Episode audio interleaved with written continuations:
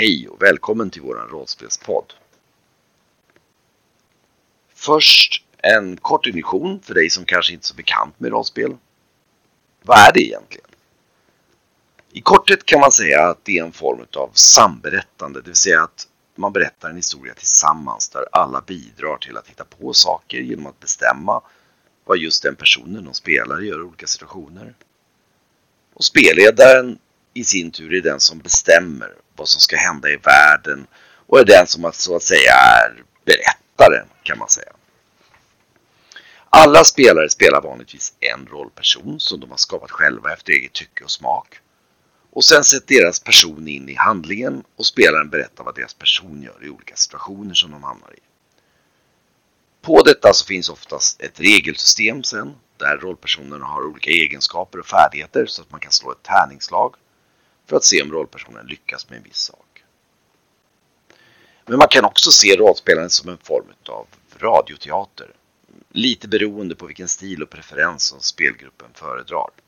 Vissa spelar mer regeltekniskt och är mer intresserade av reglerna och vissa spelar mer teatraliskt. Och, men i verkligheten så är det ju oftast en blandning av de här olika sakerna. Om du inte har spelat rollspel förut så hoppas jag att du tycker att det är kul att lyssna på oss och väljer att följa oss. Och vem vet, du kanske blir sugen på att prova rollspel själv. I denna spelgrupp så tänker vi nu spela i regelsystemet Drakar och Demoner. Mer specifikt den regelvariant som oftast kallas Expert eller Gigant. Som släpptes runt 1991 ungefär. Men med lite olika tillägg och egna regler och så vidare. Men med det sagt, vi spelar inte speciellt regeltungt utan vi improviserar rätt ofta och gör lite så som vi tycker känns roligt. Det viktiga är att vi har roligt tillsammans.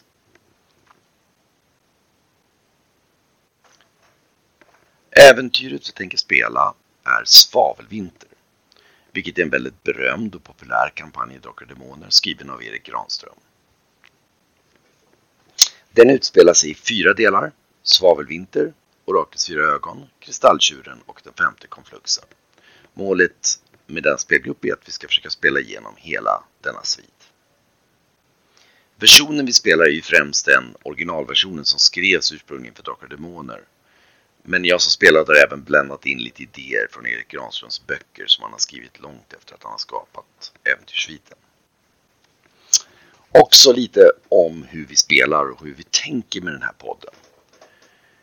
Vi spelar hyfsat teaterlikt. Därför så kommer du sällan att höra våra riktiga namn utan alla tilltalas med de namn som deras spelperson har. Sen tänker vi inte lägga ner allt för mycket tid på att redigera den här podden så bli inte förvånad om du hör våra fikapauser när vi måste springa iväg eller om vi pratar om planering och lite egna tankar om vi spelar. Reflektioner om det som händer samt småprat och ett annat skämt som inte hör till själva rollspelandet. Dels är det mycket jobb att redigera men sen tycker vi att det kan vara kul att förmedla hur rollspel kan fungera i verkligheten och både avdramatisera hur det funkar samt dela med oss lite av våran spelstil och hur vi gör. Med det sagt om vi nu skulle säga något olämpligt eller opassande i podden så hör gärna av er så kan vi klippa bort om vi har missat något som inte borde vara med.